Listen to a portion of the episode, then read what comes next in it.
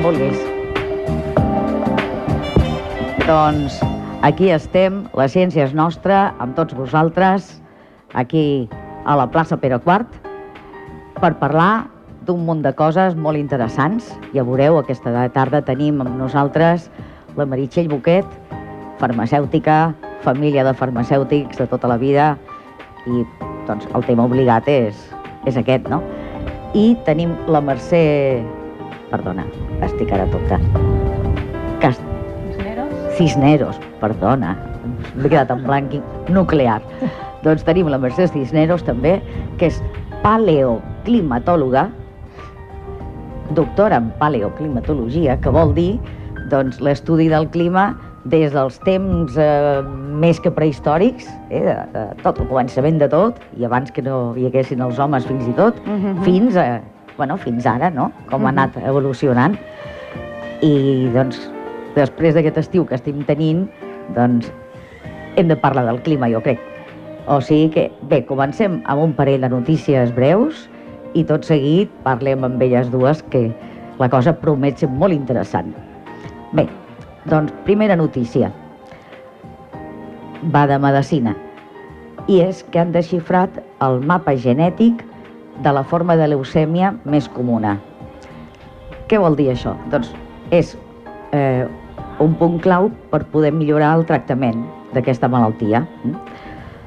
Eh, a més, aquesta investigació, que és internacional, un dels que han intervingut i dels líders de, de la investigació és l'Institut de Recerca de l'Hospital Clínic de Barcelona. I doncs també és això, no? ens queda molt a prop de casa. I és important perquè eh, tenint la, la sèrie aquesta, el mapa genètic, això ens obre la porta a buscar tractaments que siguin més específics per a aquesta, aquesta malaltia, que és concretament la leucèmia limfàtica crònica, que és la més freqüent als països occidentals. Una altra que també és així eh, catalana. El govern de la Generalitat ha creat un grup d'assessors sota el nom de Grup Horitzó per eh, dibuixar les línies estratègiques eh, a seguir entorn a la ciència i amb la vista posada a l'aprovació de la futura Llei de Ciència de Catalunya. Punts importants que consideren que, que s'han de tractar l'envelliment de la població, el canvi climàtic, la sostenibilitat i l'energia. És un grup que hi ha professionals mm, molt importants de molts àmbits diferents i que esperem doncs, que, que facin molta bona feina. Per cert, per si algú té suspicàcies, no són remunerats. Això també és interessant assenyalar-ho. Són gent que treballen doncs, pel, mira, pel país, no? I bé, doncs esperem que facin molt bona feina, que això ens, ens ajudi. I ara, doncs, una de, una de internacional. Eh, sabeu que, bueno, fa gairebé mig segle eh, l'Apolo 17, que va arribar a la Lluna, tot allò, no? Eh, però bé, doncs ara, 50 anys després, tot això de que si, eh, si ja hi van arribar, com és que no hi tornen, doncs mira, ara hi tornarem. Ah.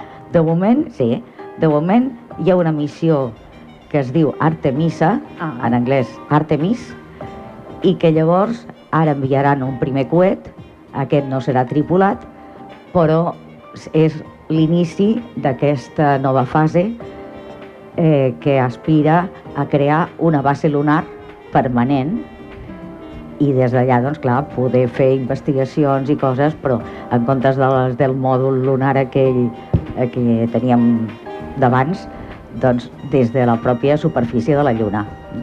Això, bueno, aquest coet, si tot va bé, està previst que despegui demà, demà mateix.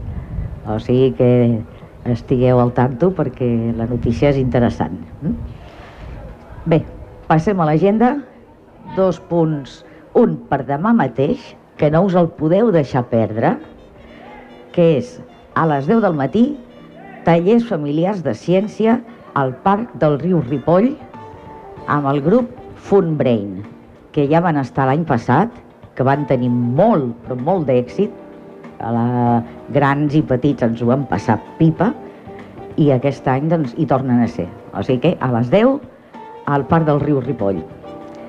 I un altre que ja podeu anar-hi pensant, que és la Setmana de la Ciència, a Ripollet.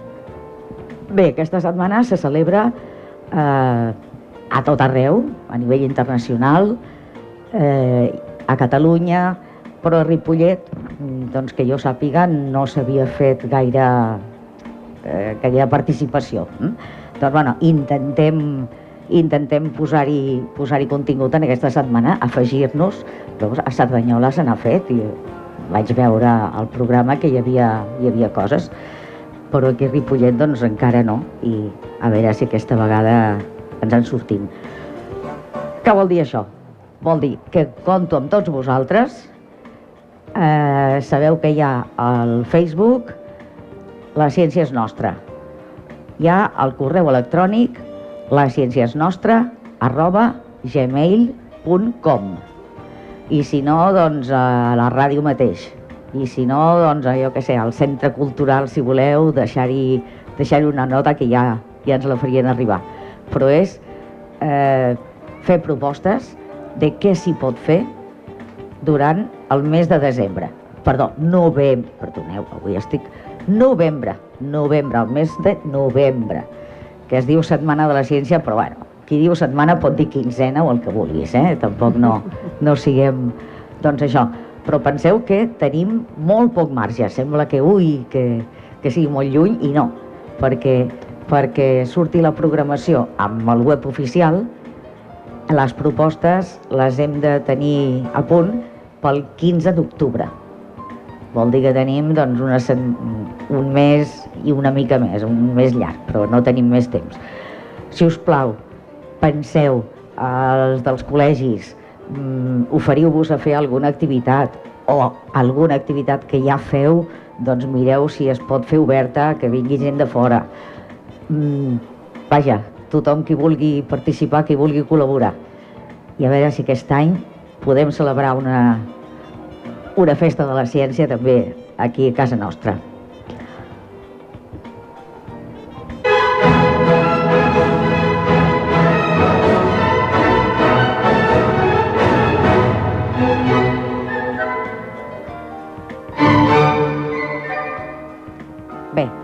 Situeu-vos que som a Madrid al vespre del dia 14 d'agost de 1894. O sigui, fa 128 anys. Mm? I aquesta nit se celebra la verbena de la Paloma.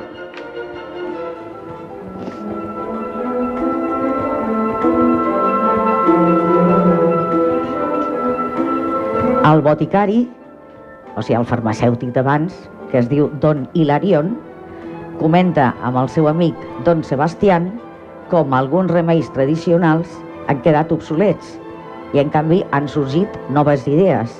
I és que al seu parer, hoy las ciencias adelantan que és una barbaritat. puede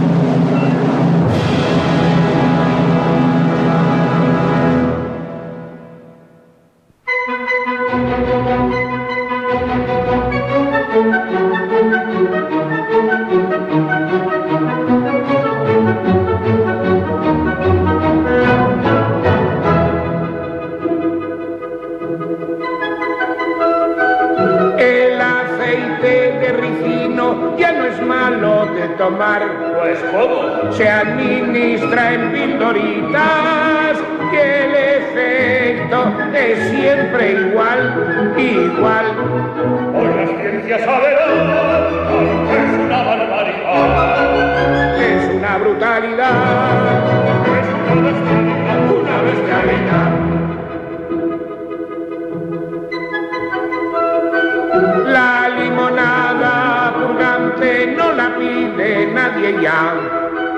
Como que esa limonada ya no sirve para. Claro, Es lo mismo que un refresco de naranja de cebada. pues por eso justamente ya no es chicha ni limonada. Eso digo yo. Pero el agua de leches es un eficaz. Hoy la ciencia lo registra como muy perjudicial. El agua de leches. Muy mala. No, es muy perjudicial. Hoy la ciencia sabe nada. Es una barbaridad. Es una brutalidad. Es una bestialidad. Una bestialidad. El calor que hace esta noche sí que es una atrocidad. Y yo tengo a todas horas la cabeza tan sudada. Eso es bueno y conveniente, mi señor don Sebastián. Y el día que esta camisa me la acaban de planchar. Esa camisa Sí, señor. no lo diría nadie, pero he leído que el que suda vence toda enfermedad. No hay nada mejor. Pues no lo sabía. Sí, sí, lo acaban de descubrir. La ciencia sabe lo que es una barbaridad.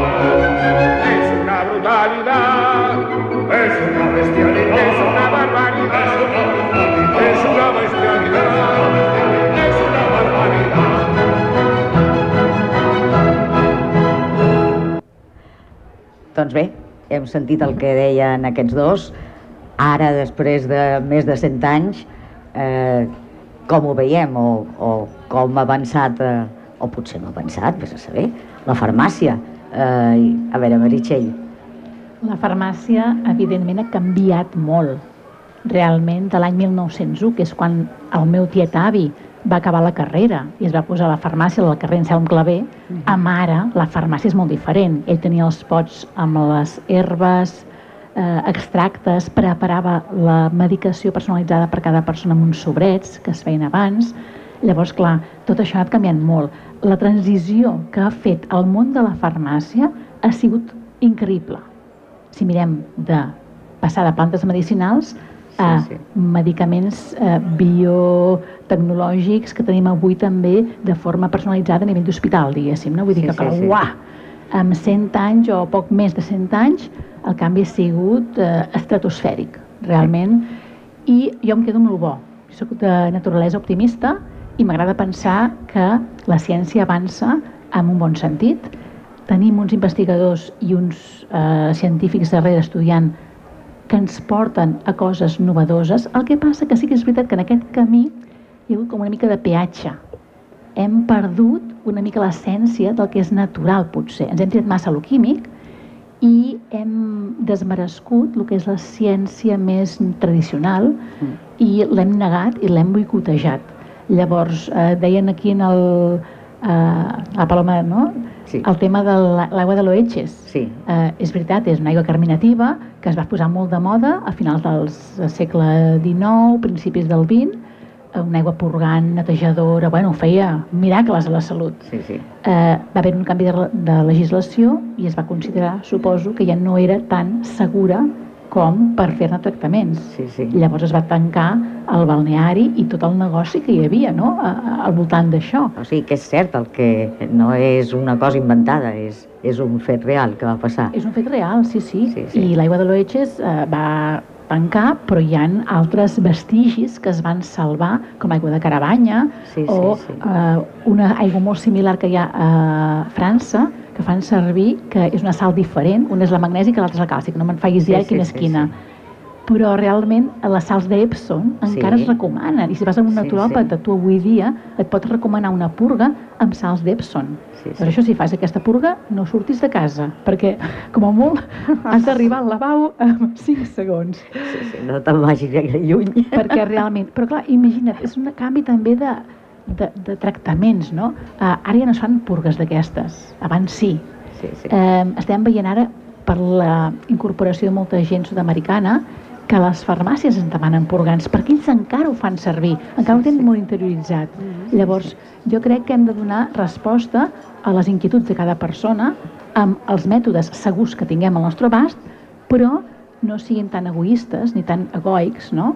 I obrint altra vegada la porta al que és la medicina natural, les plantes...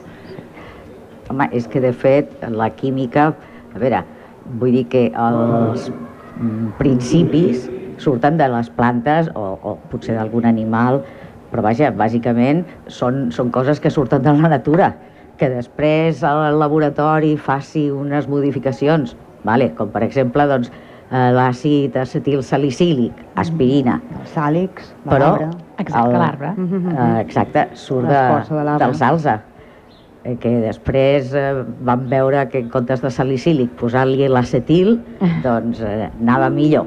Bueno, però, però no deixa de ser un origen i moltíssimes altres coses, no?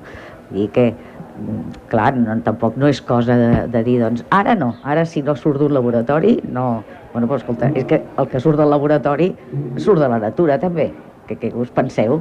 Sí, però aquí hem tingut una miqueta l'efecte pèndol, no? Sí, D'anar bueno, molt a la part sí. natural, vam anar molt a la part química, Sí. científic, eh, químic, saps? Vull dir, extret de, de laboratori artificial, Sí. concentrat, una pastilla petitona que podia fer meravelles, Sí, i ara estem ja anant, per mi, cap al mig, no? Vull dir, integrant les dues Eh, sí. coses. El millor és la integració. Un No equilibri. negar les dues coses. Clar, eh, estem salvant vides amb molts medicaments, amb antibiòtics, a Sí, sí, diari. sí. Abans la gent es moria per una grip sí. per una, una Sí, sí. infecció de la pell que es anava cap a la sang, vull dir, la grip és vírica, però eh, saps, hi ha molts adelants Sí, que sí, realment sí, s'han sí. d'agrair i realment estem, per exemple, en el cas de la grip i en aquest cas el que acabem de passar, no? Mhm. eh, havent-hi molta investigació amb medicaments antiretrovirals. Mhm. Però és que tenim una cultura, hi ha una investigació de base que ens ha permès fer el pas ara per Sí. tenir medicaments que en un futur ens puguin protegir. Sí, sí. Vull dir que realment la integració per mi és el secret.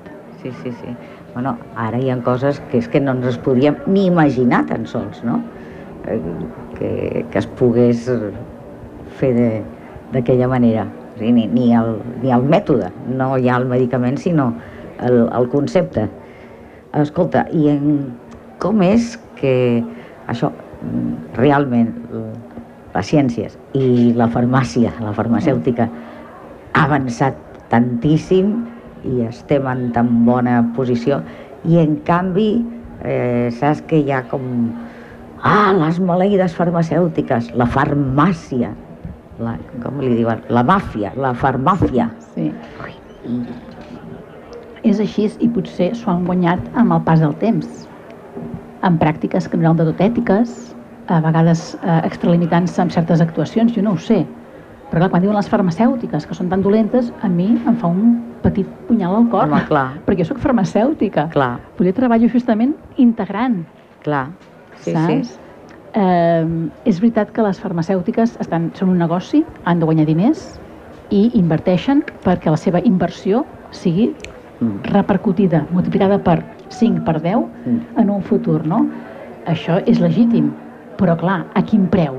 Potser ens hauríem de parar a pensar una miqueta en el tema de l'ètica, Mhm. el tema de què estem disposats a fer en pro de la investigació i d'un futur millor, perquè a vegades ens passem tant que després la moneda que paguem és molt cara. Sí, sí, sí. Bueno, és trobar l'equilibri entre el negoci. Clar que ha de ser negoci. A veure, si és una colla de gent que estan allà treballant no sé quantes hores, bé necessiten poder viure de, de la feina com qualsevol altra, no? Doncs necessiten el seu sou.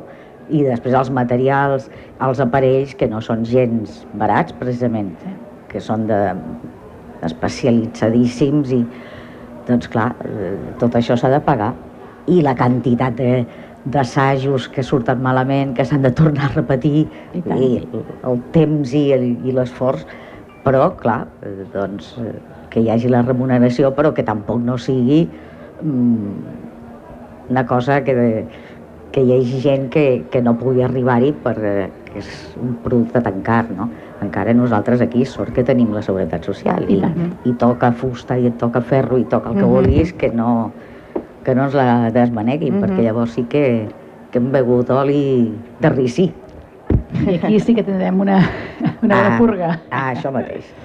Escolta, jo no em vull quedar sense parlar del teu pare, Sí. Oh. Mm. perquè, bueno, és que mm, jo pel que he estat mirant, em sembla que és el científic més important que tenim aquí a Ripollet.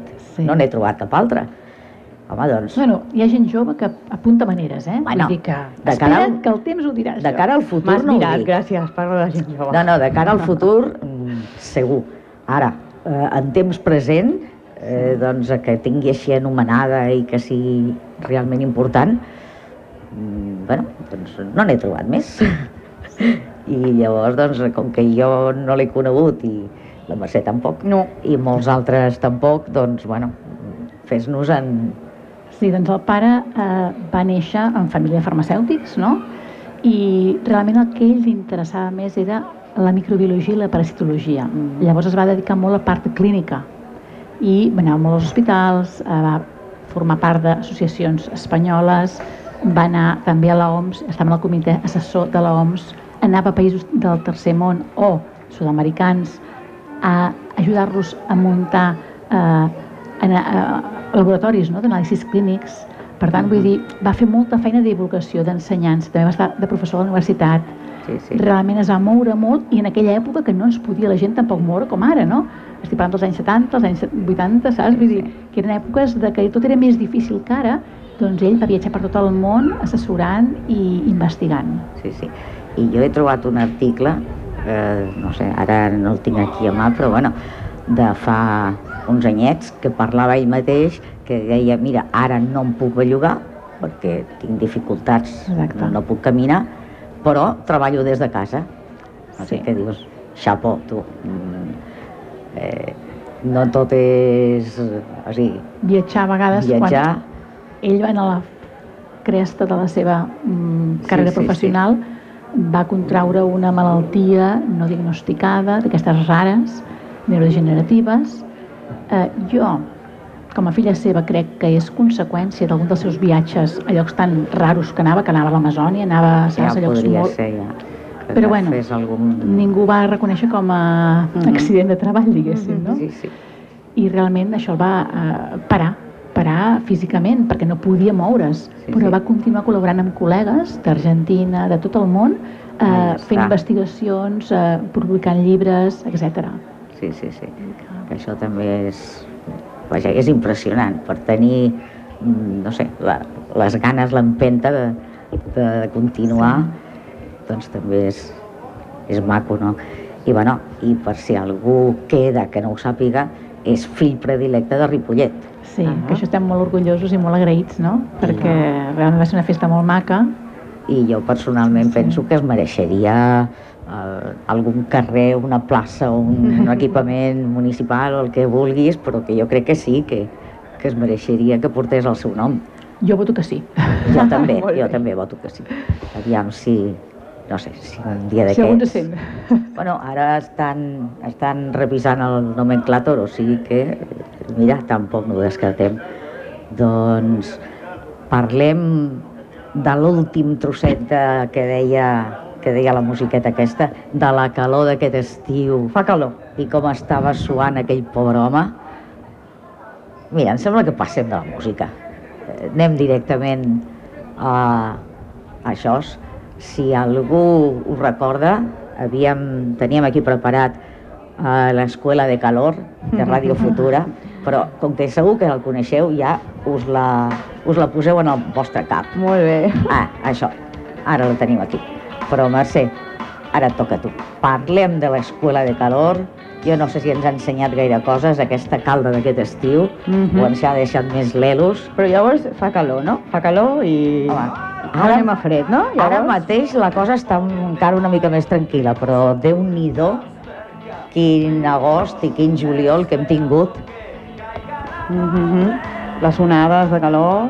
Però, a veure, això eh, tu ets experta, doncs això, en el clima, o sigui, no en el temps que farà demà o demà passat, no, no, no, jo- sinó el clima, Com- a, com- a llarg termini. Com tu ben has explicat al començament, la, la paleoclimatologia es dedica a això. Paleo vol dir passat, llavors el que fem és reconstruir el clima del passat. Això es pot fer de moltes maneres, Mhm. doncs eh, es pot eh, fer utilitzant arxius que són els sediments marins, els sediments del fons del mar, per exemple. Eh, també eh, es poden fer servir estalagmites de coves, o una altra cosa potser que és... Mostres de gel també em Oh, sembla, I tant, oi? i tant, clar, els, els cores de, de hielo, de, de gel. Uh, una altra cosa també potser més coneguda és allò dels anells dels arbres, us sona? Que, Sí, ai, aquell sí, estiu va ser... sí, sí, sí. Perquè segons la humitat i la temperatura, Sí, sí, doncs sí, sí. podem saber... Són més I- gruixuts o més prims, oi? Sí, sí. sí, sí, I sí. res, i el que tu deies, abans de la prehistòria jo et dic sí. Jo, jo m'he especialitzat en la tesi doctoral en els darrers 3.000 anys, però clar, jo feia la tesi cosa... una cosa ja, però vosaltres diu, uau, sí. jo, però jo, jo que jo sóc llicenciada en medi ambient, però estava a la facultat de, de geologia i clar, els meus companys riuen de, Sí, clar. del meu període, Per perquè ells 3.000 anys no clar, res. ells estan treballant al Pleistocè fa dos milions d'anys, clar, és que tenim aquests registres, sabem moltes coses Clar, sí, sí. ara mateix, i encara queda moltíssim per saber, no? que dèiem, la ciència avança, sí, sí, i cal que avanci, perquè precisament del tema del sistema climàtic Uah, és molt complexa, hi ha molts components que interrelacionen entre ells i hi ha el que diem els feedbacks, no? Són sí. eh, retroalimentacions. Llavors aquestes retroalimentacions poden ser positives o negatives i ara sembla que estem en un moment de calor i ara anem a més calor o anem a menys calor, llavors seria, si anem a més fred seria retroalimentació negativa, no? Llavors queda molt per, per saber, però sí que... Però de moment, què és el que sembla? Anem cap a més calor, que és el que sembla que diu molta o sigui, gent. és evident, i més en la regió nostra, la Mediterrània, eh, se sap, els registres instrumentals ens, ens mostren que les temperatures càlides són cada cop més freqüents, o sigui, el, la típica corba, no? el hockey stick, la corba de, del pal de, de hockey, es veu la pujada de diòxid de carboni i la pujada de temperatura dràstica. Allò és una, una cosa general, no? perquè en alguns llocs doncs, puja més la temperatura que en uns altres, però sí, sí, sigui, evidentment. En general, calor. sí. Tampoc ens podem refiar d'això de ai, doncs jo no recordava tanta calor, o ui, jo ja recordava una ona de calor. Tenim un viatge amb la memòria i, i, la, i el temps, això no Sí. és molt, Home, molt fiable, la Jo cada veritat. estiu dic, ostres, Clar. com aquest estiu mai, mai. Clar, clar. Però jo em sorprenc a mi mateixa també Sí. dient-ho i després dic, Però no, clar. hi ha un viatge. És que Eh, no, clar, no està... Això no, No és científic. no és científic. No, no és, no és significatiu. perquè no? la memòria ens enganya. no és significatiu, igual que tampoc ho és allò de, bueno, aquest, aquests discursos que de vegades són, ens confonen, no? I ens diuen, ai, bueno, però és que, escolta, tu, al principis del segle XX, al 1900 no sé quan, en aquell any, ja hi havia una onada de calor i van estar un mes amb no sé on, a- amb 40 graus i va morir tres persones. I ens enganyen. Com és allò, allò que ara també tenim calor? Home, doncs sí que hi hagués onades de calor i onades de fred al passat. No vol dir Sí. que no, hi ha una variabilitat climàtica i ara doncs, també la n'hi ha, però sí que és cert això, que hi ha una tendència generalitzada a Exacte. més temperatura. És que no parlem d'un fet puntual, sinó No. d'una tendència. Clar, i de moltes, i moltes regions, però evidentment, si mirem en la Mediterrània, per exemple, sabem que s'està escalfant. S'està escalfant i a més, per exemple, s'està tornant molt més salada, no? Clar. I, i sobretot a, a la conca oriental està, això, aquests canvis s'estan produint de manera més, més abrupta i, i llavors dius, dius, bueno, dius, i si a les zones adjacents no plou i hi ha aridesa i hi ha sequera i, i, la, i el mar s'està evaporant i també es torna més salí, dius, i on és l'aigua?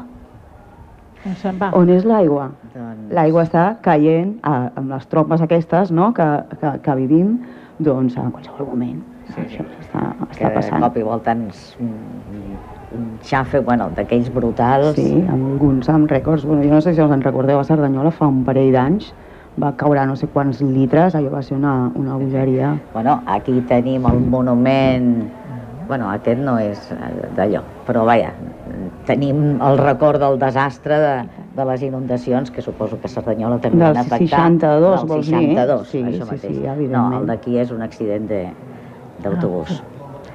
Però vaja, que sí, és que parlant sí, de sí, tragèdies me'n recordava d'aquesta, però bueno, tenim el record de, de les grans riuades aquelles, no?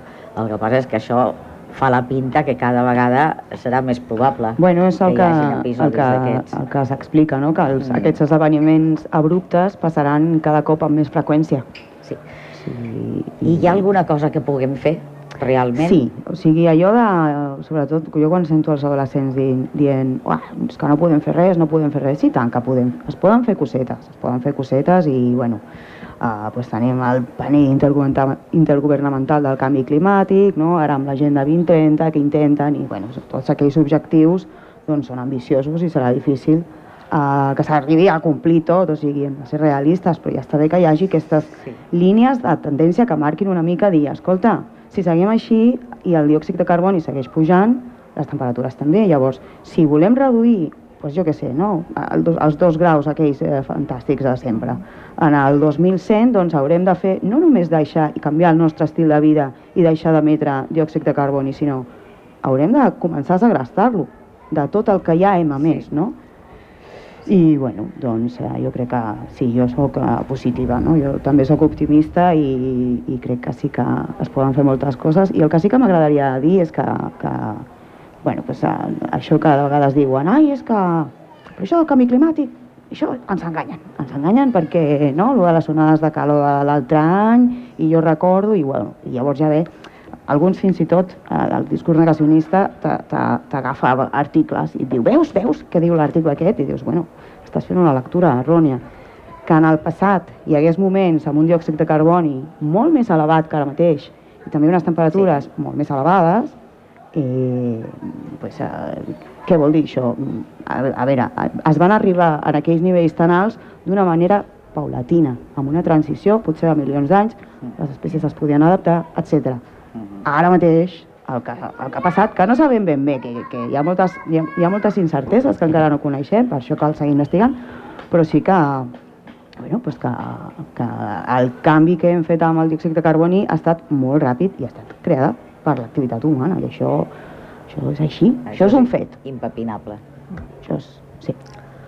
Doncs em sembla que us hauré de convidar un altre dia, perquè Quan. Quan hem de seguir parlant tant un tema com l'altre. És que, ostres, és que jo m'he quedat amb ganes de saber molt més, però vaja, hem de passar, hem de passar pàgina i anem a una breu, molt breu ressenya d'un parell de llibres que ens han recomanat de la Biblioteca de Ripollet.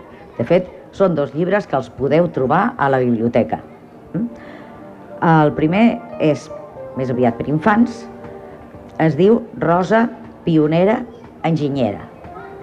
L'autora és Andrea Pitti i les il·lustracions són de David Roberts.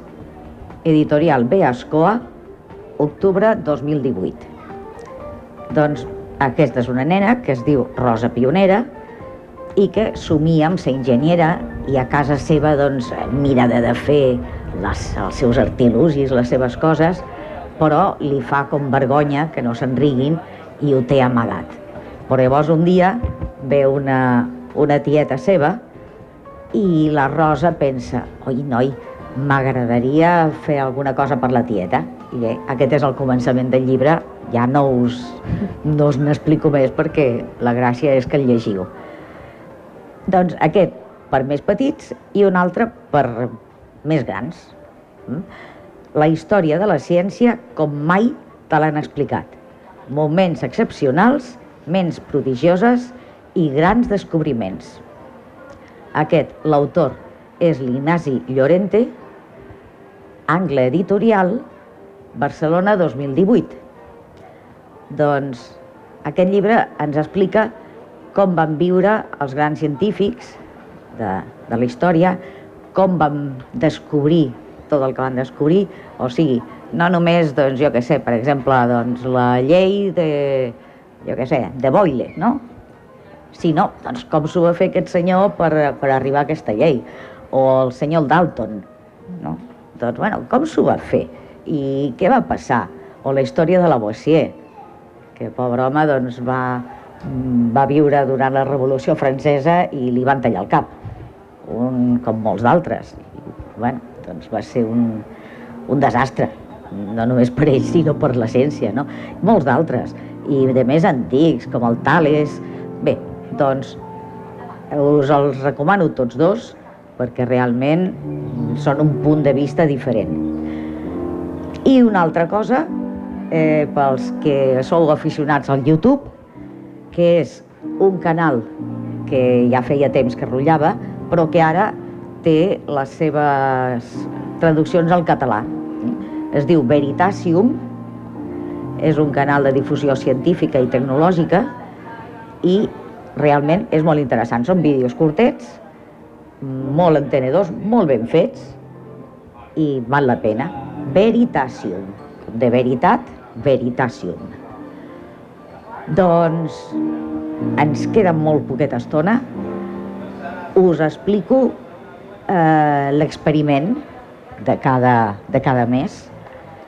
A veure, clar, no, no el veieu, però jo tinc aquí un quadrat, pot ser quadrat, pot ser rodó, el que vulgueu, de cartolina, amb uns forats i un cordill. O sigui, concretament, hi heu de fer quatre forats per poder fer com unes nanses i hi heu de passar un cordill d'un costat a l'altre, eh, que sobresurti pels dos costats. Mm? El cordill doncs, ha de ser doble, eh? un per cada, per cada forat. Llavors, la cosa és molt fàcil.